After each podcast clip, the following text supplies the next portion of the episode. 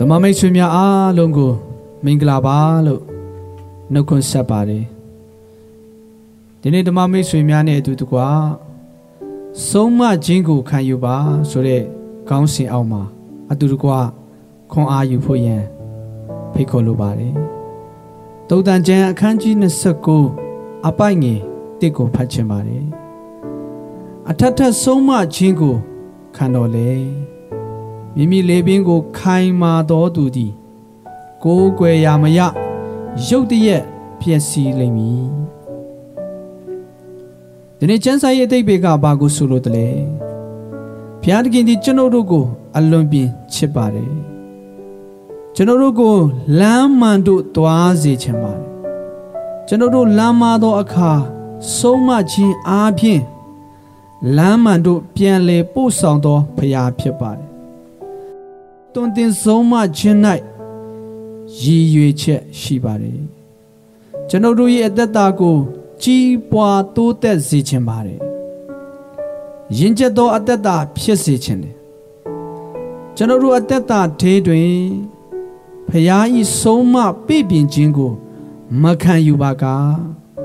လမ်းမှာတွားနိုင်ပါတယ်ထိုများမက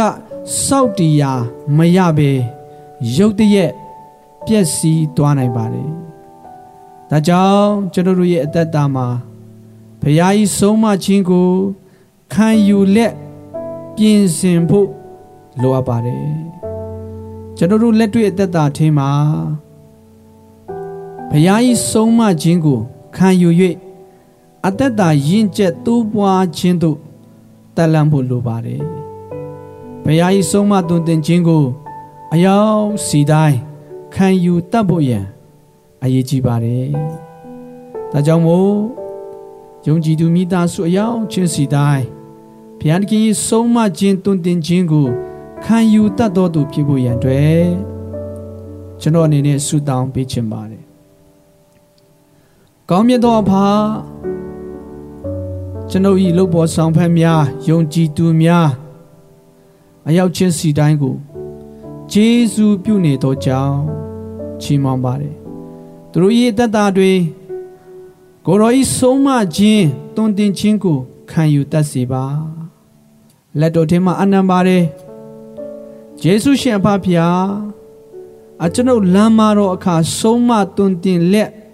လမ်းမှန်တို့ပို့ဆောင်နေသောကြောင့်ယေရှုတော်ချီးမွမ်းပါ၏ကျွန်ုပ်၏အသက်တာသည်တာ၍ရင့်ကျက်တိုးတက်သော